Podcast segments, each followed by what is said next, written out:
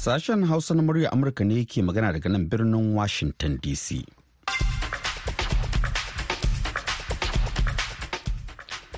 Masu raro barkanmu da asuba da fatan an wayi gari lafiya. Suna na Sarfil Hashin Gumel tare nake da Hauwa Sharif da sauran abokan aiki muke kawo muku wannan shirin a yau ranar Litinin 11 ga watan Disamba na shekarar 2023. Kafin ku ji abubuwan da muke tafa da su ga kanin labarai. A ranar Talata ne idan Allah ya kai mu shugaban Amurka Joe Biden zai marabci shugaba Vladimir Zelensky na Ukraine a fadar White House. Gwamnatin Guyana da ke fama da matsin lamba daga makwabtan ƙasashe Brazil da wani ɓangaren harkar kasuwanci a tsibirin Caribbean ta amince ta shiga tattaunawa kan batutuwa da suka shafi ɓangarorin biyu da Venezuela. tsohon shugaban amurka donald trump ya ce ya yanke shawarar ba zai sake bayar da shaida ba karo na biyu a shari'a da ake masa kan damfara a birnin new york To kanin labaran duniya kenan. A cikin shirin za a ji cewa ƙungiyar ecos ta kafa kwamitin shugabanni uku don tattauna juyin mulkin Nijar yayin da masu ruwa da tsaki ke cewa ina kira ga duniya gaba ɗaya ta san da akwai matsala a Nijar. Akwai matsala a Nijar. Akwai matsala a Nijar kuma a tausaya ma al'ummar Nijar. Haka kuma manyan jami'an gwamnati da shugabanni daga sassa daban-daban na Najeriya na ci gaba da nuna damuwa game da harin da aka kai na kuskure kan masu ibada a Kaduna tare da alkawarin gudanar da bincike.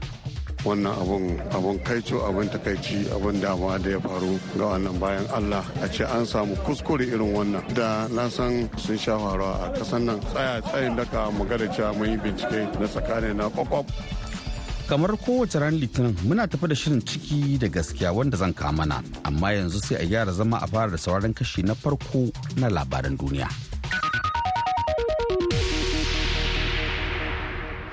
Jima'a barkanmu da asuba ga labarun mai karantawa hawa sharif. A ranar talata ne idan allah ya kai mu shugaban amurka joe biden zai marabci shugaba vladimir zelensky na ukraine a fadar white house. A daidai lokacin da gwamnatin amurka ke aza kaimi ga ƙoƙarin da take yi na ganin majalisar dokokin ƙasar ta amince da samar da karin tallafi ga ukraine din a yaƙin kwatar kai da take fafatawa da rasha. Fadar white house ta faɗa cikin wata sanarwa a ranar lahadi cewa ziyarar ta shugaba zelensky na da nufin jaddada cewa ko gezau ga goyon bayan da amurkan ke da shiga al'ummar ukraine a ƙoƙarin da suke yi na kare kansu daga mamayar zaluncin rasha. Ofishin shugaba zelensky ya tabbatar da cewa zelensky ya amshi goron gayyatar na shugaba biden. Haka zalika an gayyaci zelensky zai yi jawabi a wani taron sanatocin ƙasar shugaba biden dai ya nemi majalisar dokokin ƙasar ta amince da wani kunshin tallafi ga yaƙin da ukraine din ke fama da shi da nama isra'ila na kuɗi dala biliyan 61 da dala 400 da sauran mahimman lamura da suka shafi tsaro. Amma 'yan majalisar republican a majalisar dattawan amurka suka yi kafa angulu ga kudirin dokar na neman tallafin. Suka ce ana buƙatar manya-manyan soye-soye a tsaron kan iyakar ƙasar a jiya lahadi ne gwamnatin guyana da ke fama da matsin lamba daga makwabtan ƙasashe brazil da wani ɓangare na harkar kasuwanci a tsibirin karibiya ta amince ta shiga tattaunawa kan batutuwa da suka shafi ɓangarorin biyu da venezuela akan wani rikici da ya shafi kan iyaka da yake ta'azzara.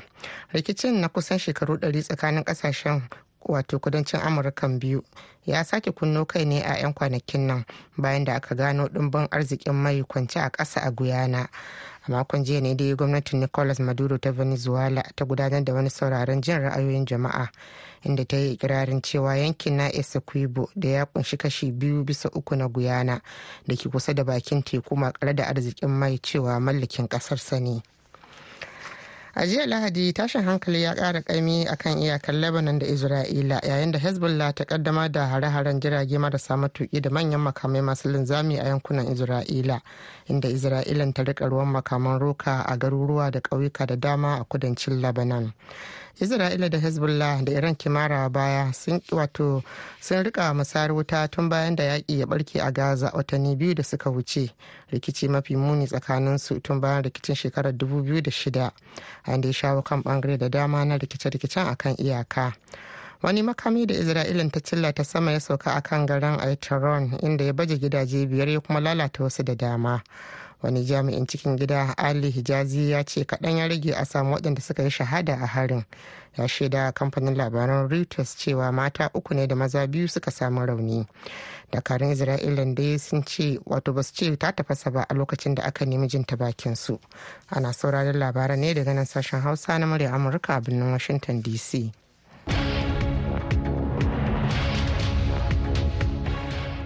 To nan jima kaɗan hawar sake da labarai kafin nan za mu leƙa Najeriya inda bayan dogon muhawara tattaunawa akan ayyukan ƙungiyar ECOWAS. Shugabannin ƙungiyar sun kafa kwamitin shugabannin ƙasashen Togo da Benin da Saliu domin su tattauna da 'yan juyin mulkin Nijar don cimma gajeren wa'adi na mayar da ƙasar kan tafarkin dimokuraɗiyya.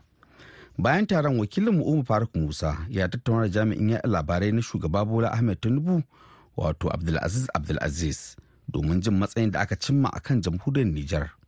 Taron amince da naɗa shugabannin ƙasashe guda uku, shugaban ƙasar Togo da shugaban ƙasar Sierra Leone da kuma shugaban ƙasar Benin Republic su zauna su yi tattauna da shugabannin sojoji na Nijar akan yadda za a samu a dawo da demokuraɗiyya a cikin ƙasar Nijar. Ta haka nan taron ya yi Allah wadai da ci gaba da riƙe shugaban ƙasa Bazum da iyalinsa da kuma wasu mukarabansa da su sojojin suke yi ya kuma nemi cewa su waɗannan shugabannin sojoji na Nijar su gaggauta sakin shi shugaba Bazum da iyalinsa da mukaraban nasa ba tare da gindaya wasu sharuɗa ba wanda sun yi alkawarin cewa idan su sojoji na ƙasar Nijar ɗin suka bi yarjejeniyar da aka cimma wannan zai sa a cire takunkumi da aka sassaka musu na bangarori daban-daban. To amma ana magana sai bayan wata huɗu kenan za a sake wani zama irin wannan musamman akan Nijar ɗin ko kuwa duk sanda aka daidaitu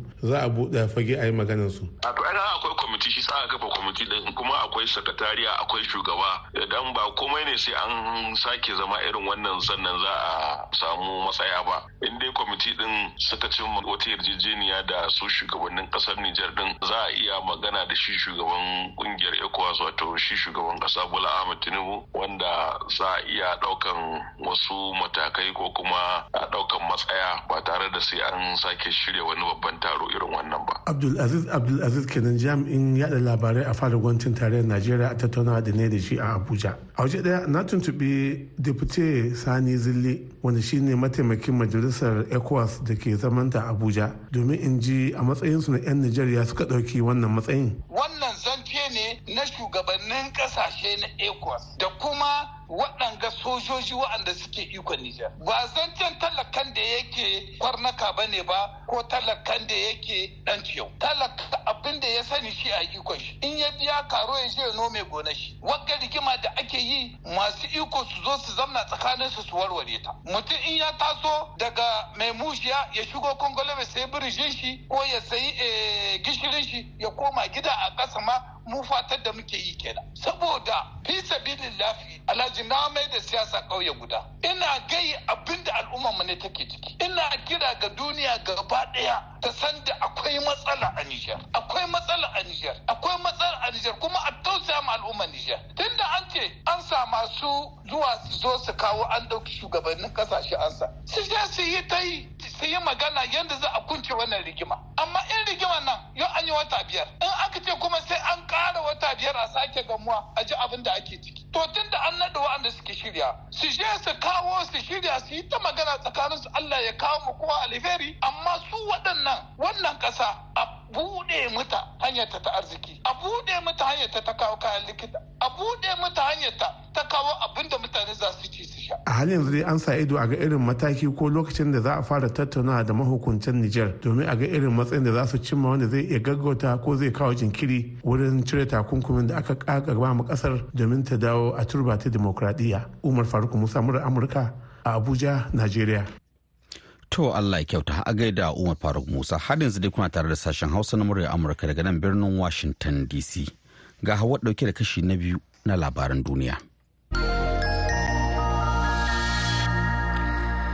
A jiya lahadi ne tsohon shugaban amurka donald trump ya ce ya yanke shawarar ba zai sake bayar da shaida a karo na biyu ba a shari'a da ake mishi akan damfara a birnin new york. Inda ya wallafa a shafinsa na kafar sada zumunta cewa ya riga ya ba da shaida kamalalliya cikin nasara a watan jiya don haka bai ga wata buƙatar sake bayyana ba. An sa ran trump zai sake komawa ne a yau litinin domin ba da shaida a matsayin babban mai ba da shaida ta kare kai a shari'ar da ake yi a birnin new york a karar babban mai shari'a letitia james. Karar da yana barazana ga katafaren kamfaninsa na hada-hadar gidaje da tsinka mutuncin shi na matsayin hamshakin dan kasuwa. Trump ya bayyana goge baya da duk wata shaida da manyan haruffa inda ya yi baro-baro a shafin sadarwarsa na zumunta cewa ba zai sake ba da shaida a ranar litinin ba. Ya ce ya riga ya ba da shaida a kan komai kuma ba shi da sauran abun faɗa inda ya ƙara nanata ikirarin shi mara hujja cewa james da sauran 'yan democrat sun mai da tsarin shari'a makami domin hana shi rawar gaban hantsin da za ta mai da shi fadar white house. A yammacin jiya lahadi ne kenya ta fada cikin duhu sakamakon ɗauke wutar lantarki lamarin da ya tsaye da al'amura cak a mafi yawan sassan ƙasar da ya hada da babban filin jirgin sama da ke babban birnin ƙasar nairobi a ƙasar da ta kasance wata babban mahadar sufuri da ta sada yankin gabashin afirka da yankin turai da asiya da ma sauran sassan duniya.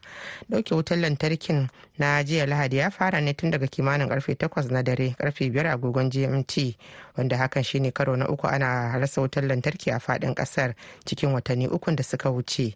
Mahimman wuraren da lamarin ya shafa sun hada da babban birnin wato babban filin jirgin saman jomo kenyatta da ke birnin nairobi da filin jirgin saman eldoret da ke yammacin kenya inda injinan baya da wuta na janareta suka itashi bayan ɗauke wutar. Hukumar sama da wutar lantarkin ƙasar kenya power ta dora alhakin hakan kan lalacewar na'ura da ta ce a halin yanzu an dukufa wajen gyarawa. Labaran duniya kenan aka saurara daga nan sashen hausa na murya amurka a birnin washington dc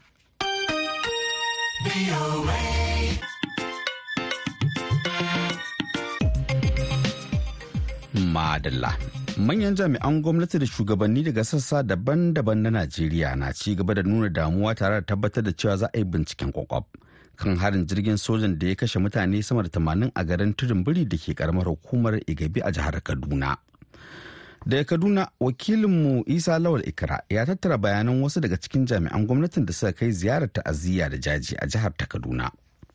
Jiya lahadi dai mako guda kenan da ibtila'in harin jirgin soja mara matuki ya hallaka masu taron mauludi a garin tudun biri da ke karamar hukumar igabin jihar kaduna. Kuma har ya zuwa yanzu jagorori daga bangarori daban-daban na ci gaba da ziyarar nuna alhini. Domin ko jiya lahadi ma sai da tawagar 'yan majalisar dattijai ta shigo garin kaduna.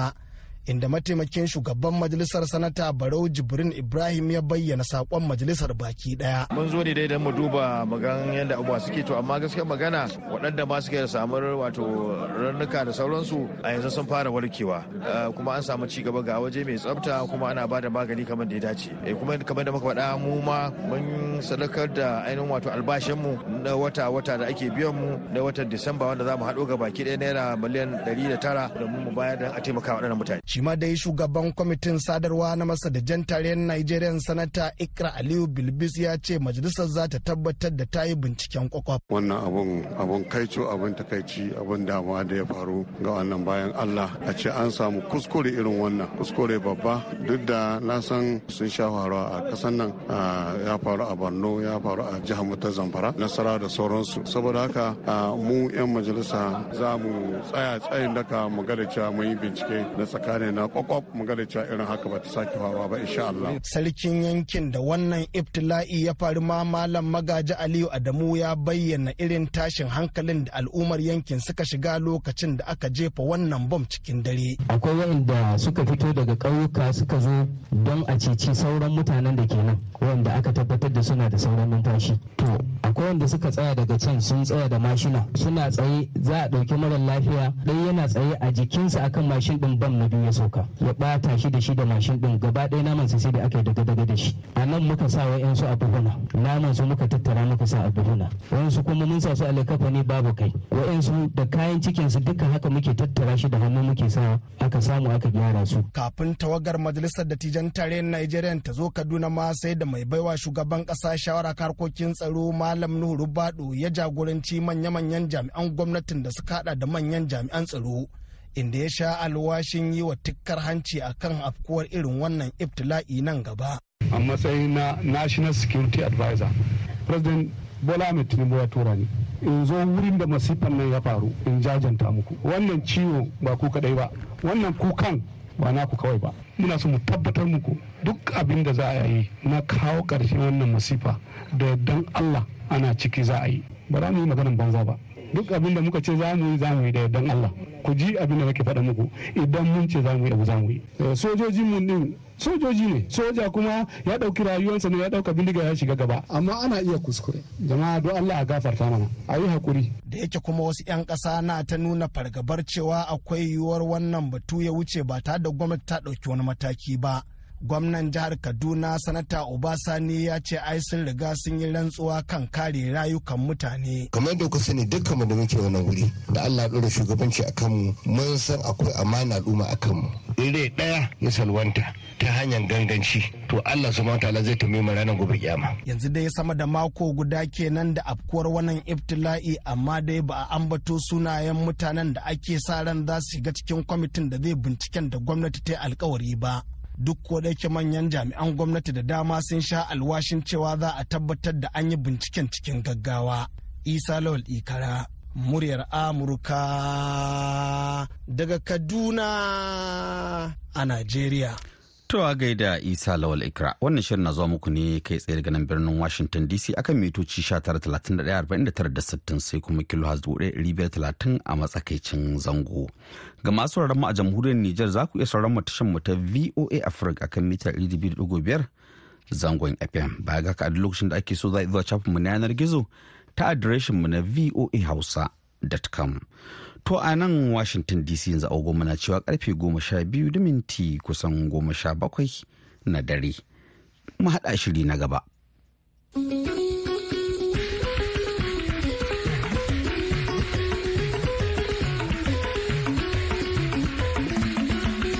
Jama'a salamu alaikum. Masu sauraro barkanmu da shirin ciki da gaskiya da har kullum kan bukarin take haƙƙin ɗan adam. A yau shirin zai duba tsama tsakanin gwamnan jihar Zamfara mai ci da tsohon gwamnan jihar kuma ƙaramin ministan tsaro. Ku biyo mu cikin shirin sunana Sarfil Hashim Gumel.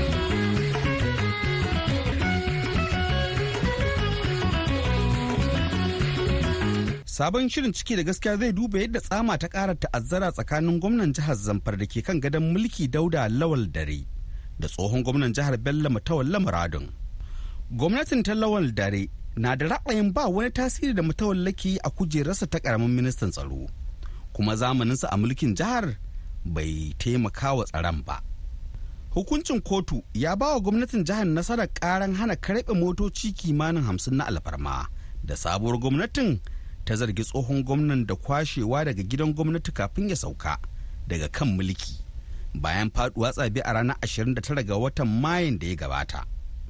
A wani taro a gidan gwamnatin gusau gwamnatin ta nuna kimanin motocin alfarma hamsin da ta ce ta kwaso da gidajen tsohon gwamnan a gusau da kuma muradun. To sai dai tsohon gwamnatin muradun na cewa duk abin da sabuwar gwamnatin ke yi bita da kulli ne don nasarorin da tsohon gwamnan ya cimma. Asalin labarin dai ya faro ne daga umarnin kwashe motocin da gwamnatin ta yi daga gidan tsohon gwamnan wanda ya sa tsohon gwamnan kai kara kotu. Wacce ita kuma ta ba da umarin haramta ɗauke motocin. Yanzu kuma wannan hukunci ya ba da izinin a ɗebo motocin. Da rake jami'an tsaro gwamnati ta jido motocin na alfarma daga gidajen tsohon gwamnan da ke gusau da muradin. Kwamishinan labaru na jihar manir mu'azir haidara ya ce baya ga motocin ma tsohon gwamnan wanda yanzu shine ƙaramin ministan tsaro ya ji da muhimman kayan gwamnati. Matakin da gwamnatin jihar zamfara ta ɗauka shine zuwa kotu domin ta nemi a dawo da wayannan motoci. Inda kotu ta ba da umarni lalle lalle a dawo da wayannan motoci don wayannan motoci mallakar al'ummar jihar zamfara ne ba nashi ba ne kamar yadda yake ikirari. Kuma a halin yanzu an dawo da su suna nan gidan gwamnatin jihar zamfara. Duk wata gwamnati da aka gada dole za a isko duk bayanai akan yadda aka bar gwamnatin. Ko da mai girma jagoranmu dr dauda lawal ya fara aiki ya tarar da badakaloli daban-daban waɗanda aka yi kama daga abubuwan da aka ɗauka daga gidan gwamnati wanda gwamnatin da ta shuɗe tv ac har da gas kuka da ire-irensu ba wai motoci kawai ba. Abubuwan da aka ɗauka abubuwa ne wanda ba a taɓa samun wata gwamnati da ta yi irin hakan ba. Abin ya daɗa tayamma muna da hankali domin a ce allah subhanahu wa ta'ala ya baka shugabanci irin wannan kuma lokacin da wa'adin mulkin ka ya kai ƙarshe a ce baka tsaya ka kula da cewa ka bar ma waɗanda za su gadon ka waɗannan abubuwa tun da haƙƙi ne na al'ummar jihar zamfara ka bar su nan domin a ci gaba da amfani da su. Amma ka duba duk irin motocin da aka saya lokacin mulkinsa ba a bar mota ko ɗaya ba wadda mai girma gwamna zai amfani da ita ko mataimakin gwamna ko kuma sauran mukaraban gwamnati. Duka an yi waso su aka yi duka motoci aka wuce da su wasu an ba da gwanjonsu wasu kuma haka kawai aka ba da su kyauta wasu kuma ɗaukar su aka yi aka je aka ɓoya kamar waɗannan waɗanda yanzu aka aka je kotu ta ba da umarni aka dawo da su. So yana abubuwa a haka muka gaji wannan gwamnati ko da aka zo ko da kuɗaɗe ma gwamnatin ga mai girma gwamna ya faɗa cewa miliyan uku aka bari. So wani tsari ne wanda ba a taɓa gani ba a tarihin najeriya inda yau ko ƙaramar hukuma aka ce an ban mu miliyan uku a kai kasa akwai damuwa. So a ce gaba ɗaya jiha asusun jiha an ban masa miliyan uku. To yanzu waɗannan motoci tun da an ma nuna na ga hotunansu me za a yi da su? Shin suna cikin koshin lafiyar da za a fara aiki da su a kwambar motocin gwamna ko kuma dai za su zama su ma za a ci gaba da jibge su ne a gidan gwamnatin kusa wayannan motoci ba motocin da za a aje ba ne za a ci gaba da aiki da su kamar yadda ya kamata. Domin motoci ne masu tsada kuma lafiya. Lau suke motoci ne waɗanda ba su da wata matsala illa kawai a yi masu aikin da za a ci gaba da amfani da su. Da zaran aka kai ƙarshe haɗa motocin gaba ɗaya za a ci gaba da aiki da su kamar yadda ya kamata. Akwai alamu labaran da muke ji a irin wannan yanayi ba mamaki. Shi tsohon gwamna kuma ƙaramin ministan tsaro bello matawalle ya iya ɗaukaka ƙara. Shin kuna shirye da tunkarar ɗaukaka ƙarar? Akwai ban mamaki tare da kunya a ce ya iya kai kara domin wai a dawo masa da wayannan motoci. Domin wayannan motoci kamin kotu ta amince da cewa na mallakar jihar zamfara ne a sai da ta karɓi hujjoji daban-daban. Don haka wannan ya nuna ma duniya cewa motocin nan ba nashi ba ne mallakar jihar zamfara ne. Don haka ya kamata ya makansa kiyamun laili ya daina wannan jayayya ya zo ya huskanci aikin da aka bashi domin ya ga cewa ya shi ba wai ya kama jayayyan motoci ba domin ba wai motoci kawai ba akwai abubuwa da dama waɗanda na kuɗaɗe da ba da kaloli da aka yi lokacin mulkinsa wanda insha Allahu za a dawo da su gaba ɗaya idan lokacin hakan ya zo. tun farko dai kakakin tsohon gwamnan zailani baffa ya ce duk abin da sabuwar gwamnatin ke yi bita da kulli ne na siyasa kawai don nasarorin da tsohon gwamnan ya cimma an an ce an zo wa mutanen gwamnati sun kwashe kayan ai gwamnan da yake kai yanzu ya faɗi wannan abin to ya faɗi suwaye suka kwashe. Abin da na sani shine a ranar da aka faɗi sakamakon zaɓe cewa wannan gwamnan ya samu mulki ba barnar da ba mu gani ba a cikin jihar zamfara.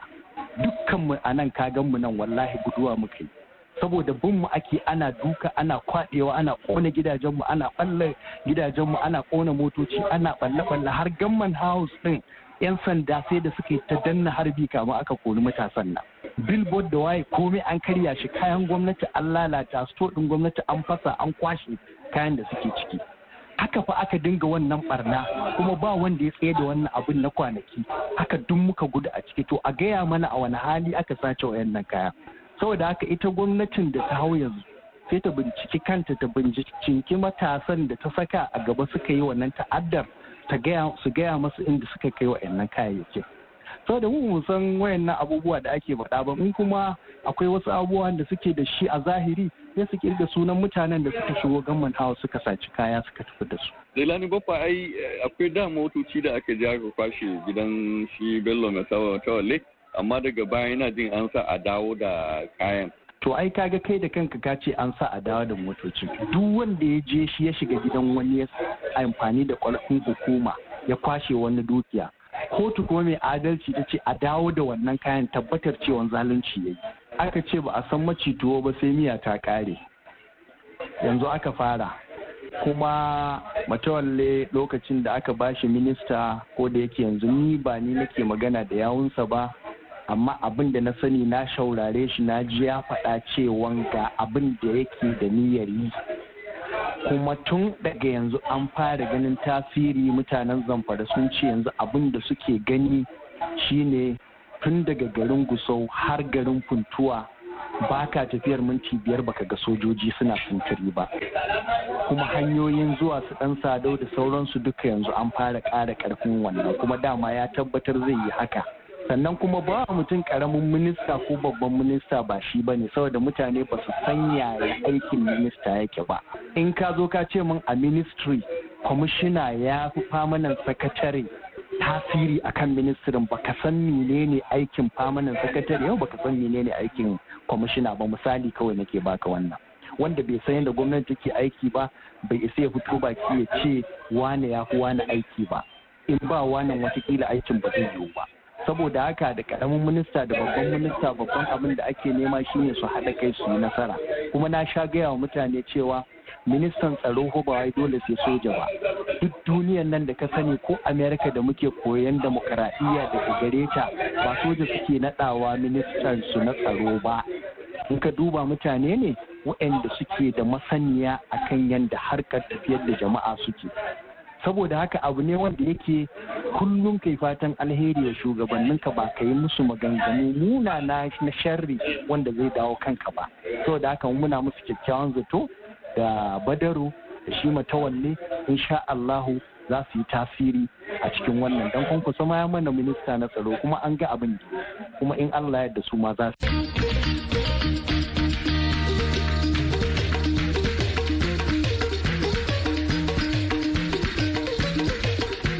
Ciki da gaskiya na kira ga duk ɓangarorin biyu da su yi duk mai yiwuwa don ajiye saɓani a gefe guda. Tare da ci gaba da haɗa kai don samarwa da al'umman Najeriya zaman lafiya da ci gaban tattalin arziki mai ɗorewa. Masu sauraro abin da ya sauka kenan sai wani sabon shirin mako mai zuwa idan Allah ya kai. Yanzu a madadin Nasiru da Mel Hikaya daga nan birnin Washington DC, nisar fil hashin gumel ke cewa mu kasance lafiya. To madalla don ko muka zo ga shirinmu na ƙarshe labarai amma fa a takaici. A ranar Talata ne idan Allah ya kai mu shugaban Amurka Joe Biden zai marabta shugaba Vladimir Zelensky na Ukraine a fadar White House. Gwamnatin Guyana da ke fama da matsin lamba daga makwabtan ƙasashe Brazil da wani ɓangaren harkar kasuwanci a tsibirin Caribbean ta amince da shiga tattaunawa kan batutuwa da suka shafi ɓangarorin biyu da Venezuela. tsohon shugaban amurka donald trump ya ce ya yanke shawarar ba zai sake bayar da wata shaida karo na biyu ba a shari'ar da ake masa na damfara a birnin new york